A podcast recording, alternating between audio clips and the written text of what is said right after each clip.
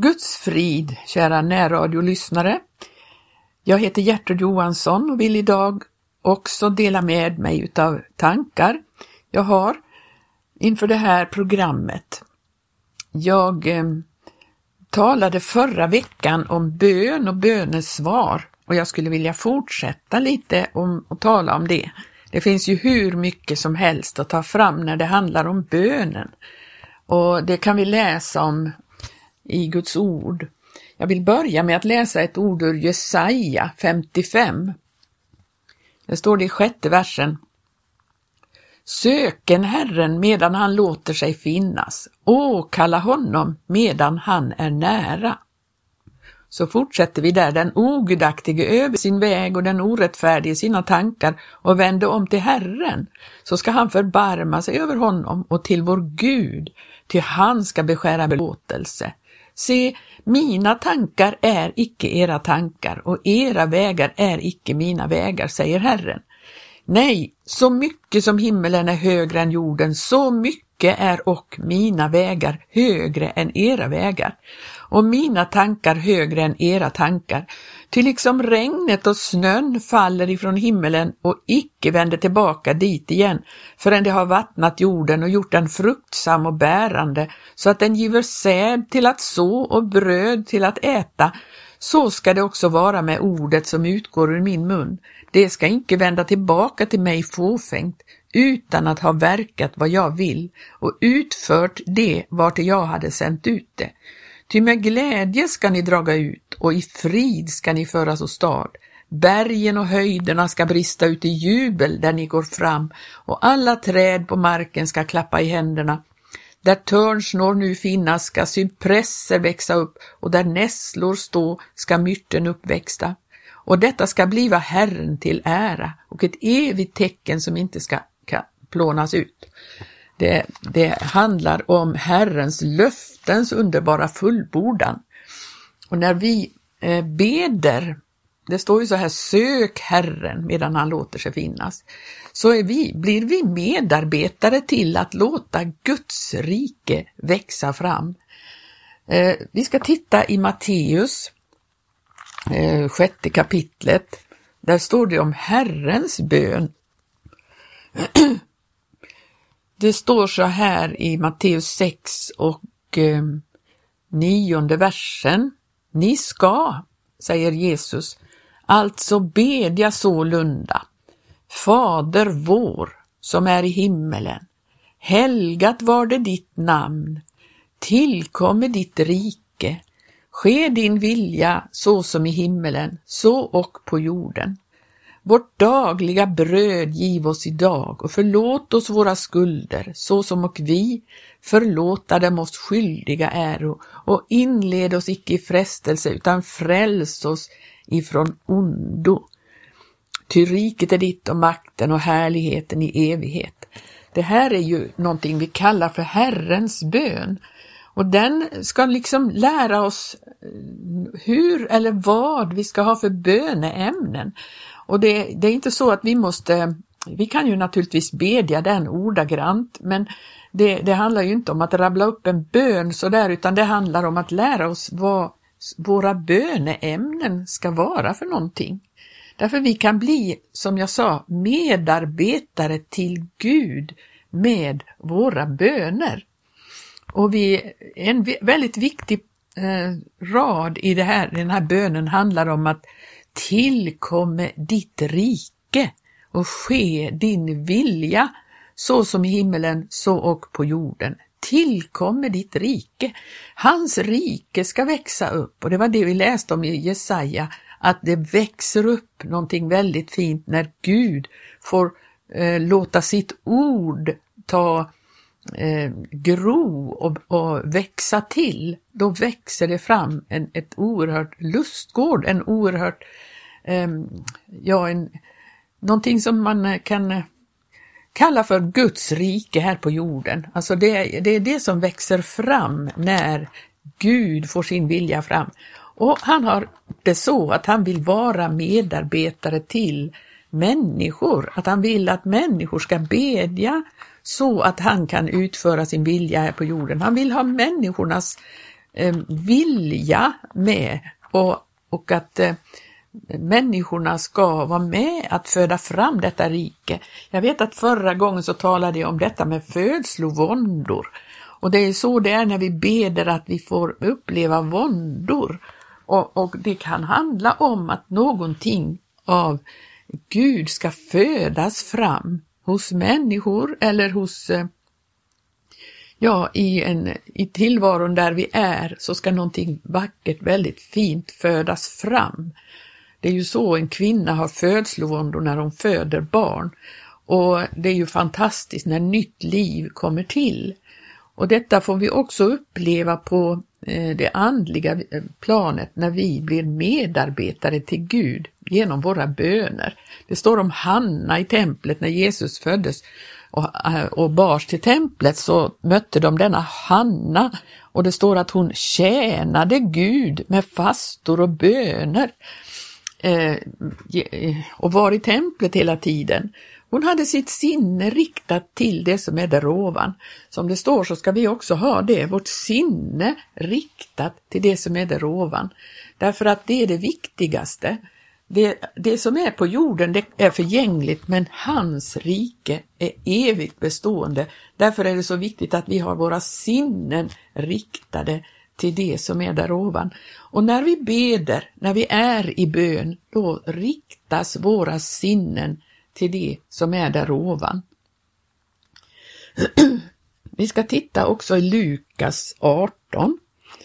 Där står det en, ett, en, ett kapitel och som börjar med, eh, ja vi kan läsa från vers 1 där.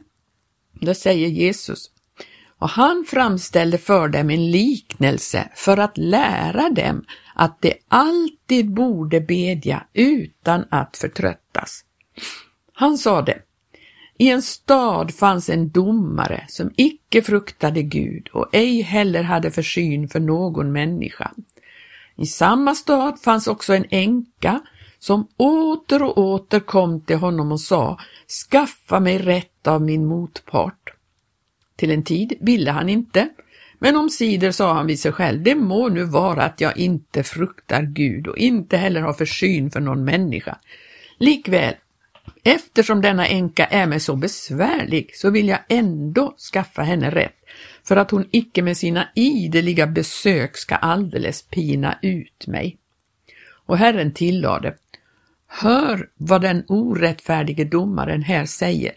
Skulle då, ursäkta, skulle då Gud icke skaffa rätt åt sina utvalda som ropar till honom dag och natt och skulle han inte ha tålamod med dem? Jag säger er, han skall snart skaffa dem rätt. Men skall väl Människosonen när han kommer finna tro här på jorden? Här ser vi att bönerna är ju till en Gud som verkligen vill lyssna till sina utvalda. Han vill skaffa dem rätt, men han väntar på att de ska bedja och ha tro till honom. Och det, det, är det som eh, det fallerar många gånger, att människorna har inte tro och därför så ber man heller inte som man skulle kunna göra om man hade tro till att Gud faktiskt vill svara. Och man ska vara envis i sina böner därför det finns makter som står emot. Det talade vi om också förra gången. Makter står emot, men det är inte så att Gud inte vill svara, men han vill ha medarbetare här på jorden som, som röjer, som, eh, som bereder möjlighet för bönesvaret, att hans rike kommer fram. Han vill ju att vi ska bedja för alla människor, vi, vi kan läsa det i första Timotebrevet, andra kapitel. Där står det, så uppmanar jag nu framför allt därtill att man må bedja, åkalla, anropa och tacka Gud för alla människor, för konungar och all överhet, så att vi kan föra ett lugnt och stilla liv på ett i allo fromt och värdigt sätt, Sånt är gott och välbehagligt inför Gud vår frälsare, som vill att alla människor ska bli frälsta och komma till kunskap om sanningen. Det är därför vi kan bedja till honom, för Gud vill att han, alla människor ska bli frälsta. Och därför blir vi eh, medarbetare till honom när vi eh, kommer inför honom och ber för alla människor. Det finns all anledning att fortsätta och fortsätta att göra detta, för bönesvaret kommer.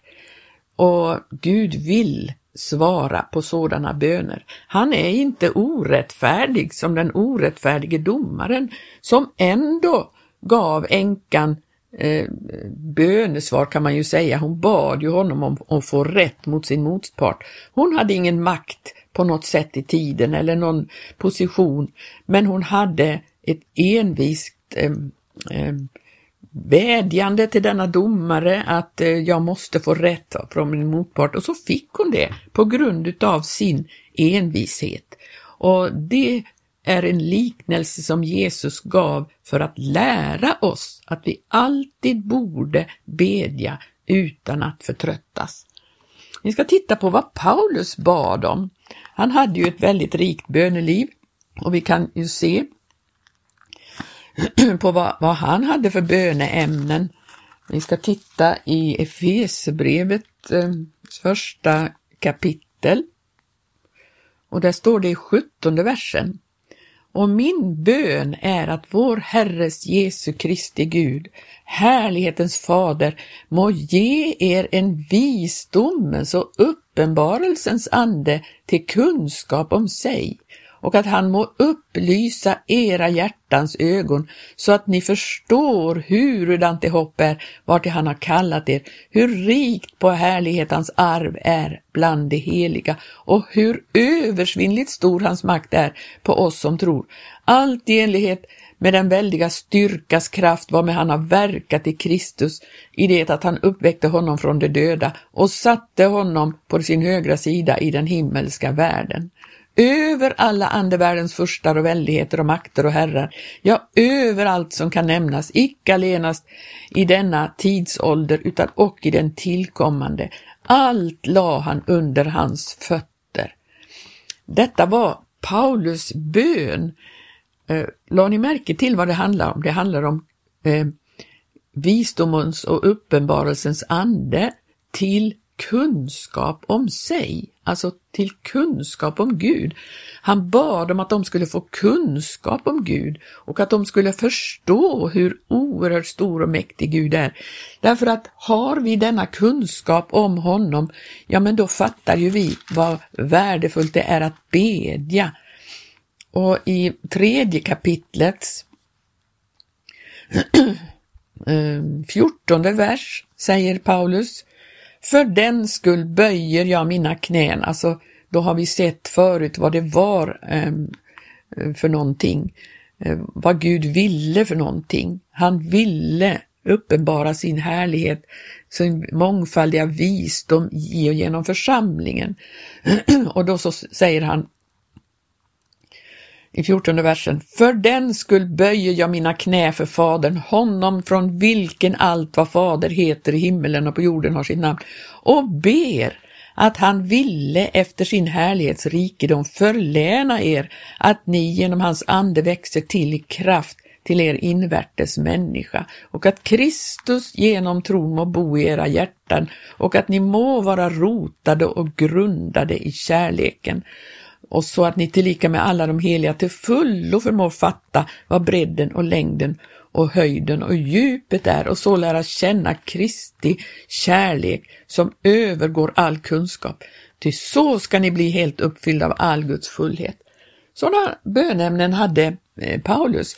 Vi kan titta också i Kolosserbrevet där han hade hört hur ett verk hade börjat fantastiskt i Kolosse och i nionde versen i första kapitlet säger han, allt ifrån den dag då vi fick höra härom har vi därför å vår sida inte upphört att be för er och bönfalla om att ni blir uppfyllda av kunskap om Guds vilja i allt slags andlig vishet och andligt förstånd. Ja, det var hans böneämnen och vi kan titta i fjärde kapitlets eh, första vers. Eh, så säger han till dem upp uppmanar de så här, var uthålliga i bönen och vaka i den under tacksägelse och bed jämväl för oss att Gud måtte oss öppna en dörr för ordet så att vi får förkunna Kristi hemlighet, den hemlighet för vars skull jag också är en fånge. Jag bed att jag må uppenbara den med de rätta orden. Det är böneämnen som vi behöver ha. I eh, Andra Thessalonikerbrevets första eh, kapitel ska vi se, elfte och tolfte versen där. För den skull, då har han talat om vad Gud har gjort och vad Gud vill. För den skull ber vi också alltid för er att vår Gud må akta er värdiga sin kallelse och att han må med kraft fullborda i er allt vad en god vilja kan åstunda och vad tro kan verka, så att vår Herre Jesu namn blir förhärligat i er och ni i honom, efter vår Guds och Herres Jesu Kristi nåd. Det var hans böneämne här. Det är väl värt att be till Gud och ha ett böneliv så att vi får vara med och föda fram andliga resultat här i tiden och att människor genom våra böner kan få komma till kunskap om sanningen och, och fatta och förstå hur stor Gud är och vad viktigt hans rike är, att hans rike tillkommer. Det är ju Herrens bön. Tillkomme ditt rike och ske din vilja, så som i himmelen så I himmelen sker ju alltid Guds vilja. Och så ber han att även på jorden ska Guds vilja ske. Och sen fortsätter bönen med att tala om vårt förhållande till eh, medmänniskor här i, tiden. Detta med att förlåta varandra och, och, och så vidare. Och sen handlar det om våra dagliga behov här i tiden. Men eh, vi, vi ska titta i en eh, andaktsbok som jag brukar läsa om i ur på morgnarna. Det är en andaktsbok som heter Dolda skatter och det är doktor A.B. Simpson som har skrivit denna andaktsbok. Och de senaste dagarna, eller ganska nyligt här, så har det handlat om bönen i denna andaktsbok. Jag tänkte jag ska läsa ett par stycken där ur eh, detta. Det står först om eh, första september står det om eh, Herrens bön. Och då står det härliga välsignade bön. Hur väcker den inte till liv de allra heligaste minnen? Hur följer den inte den förlorade till och med i hans djupaste förnedring, ja ända in i hans sista stunder? Hur vidgar och fördjupar den inte vårt andliga liv? Hur bär den inte den döende kristnes sista längtan och flämtande bönesuck till den tron dit han själv är redo att styra sin flykt? Må den bli oss mera kär från denna stund och vara mer verklig för oss av större djup, bredd och höjd, medan den lär oss att bedja och bär våra böner till nådens tron. Och om det skulle finnas någon som nu läser dessa ord, vilken ofta brukat bedja denna bön utan att äga rätt att säga Fader vår, eller som saknar förmåga att intränga i dess hjärteransakande betydelse, må det då denna stund, käre läsare, bli en självransakningens stund för dig. Och under det att du under tårar erinrar dig henne som först lärde dig dessa gripande ord, men nu vilar i gravens mull, det med tanke på dennes mor då som har lärt denna bön.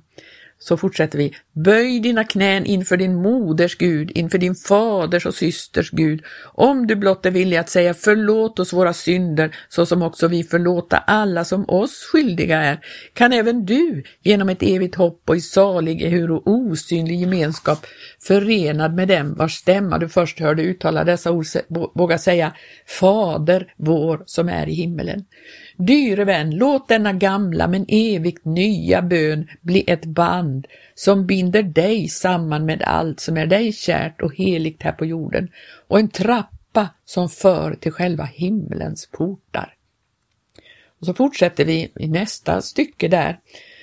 För andra september, där står det Så kommer och anden vår svaghet till hjälp, till vad vi rätteligen bör bedja om, det vet vi inte, men anden själv manar gott för oss med outsägliga suckar, står det i Romarbrevet 8 och 26. Den helige ande är oss en mäktig hjälp i bönen. Han är nåds och böns ande. Det är han som inger vårt hjärtas åstundan och djupa längtan.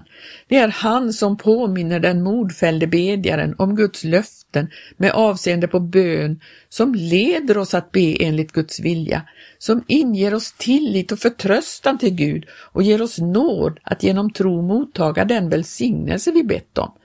Ofta vet vi inte vad vi ska bedja om och även när vi vet det är vi dock oförmögna att be så som sig bör. Men Anden medlar för oss med outsägliga suckar och inger ofta i vårt hjärta böner som vi själva inte förstår, men som han som ransakar hjärtan förstår och bevarar, besvarar i enlighet med sin egen vilja. Det är inte nödvändigt att vi alltid ska förstå Andens bön. Det är alldeles nog att den stiger upp ur vårt hjärta och når fram till Gud. Fadern vet hur han ska tyda även vad anden här nere endast suckat om och vi ska finna att svaret och det kommer så fullkomligt motsvarar våra behov som om vi i vår bön omnämnt varje detalj av det bönen gällde. Det är emellertid viktigt att vi har en rätt uppfattning om Andens medlarskap. Vi får inte vänta med att be tills vi förnimmer någon särskild inre maning därtill eller någon viss känsla. Vi måste lita på Andens inneboende verkan på samma sätt som på Faderns löften och Sonens kärlek och nåd. Vi bör räkna med Andens hjälp och bistånd även när vi ej förnimmer något särskilt i vårt inre.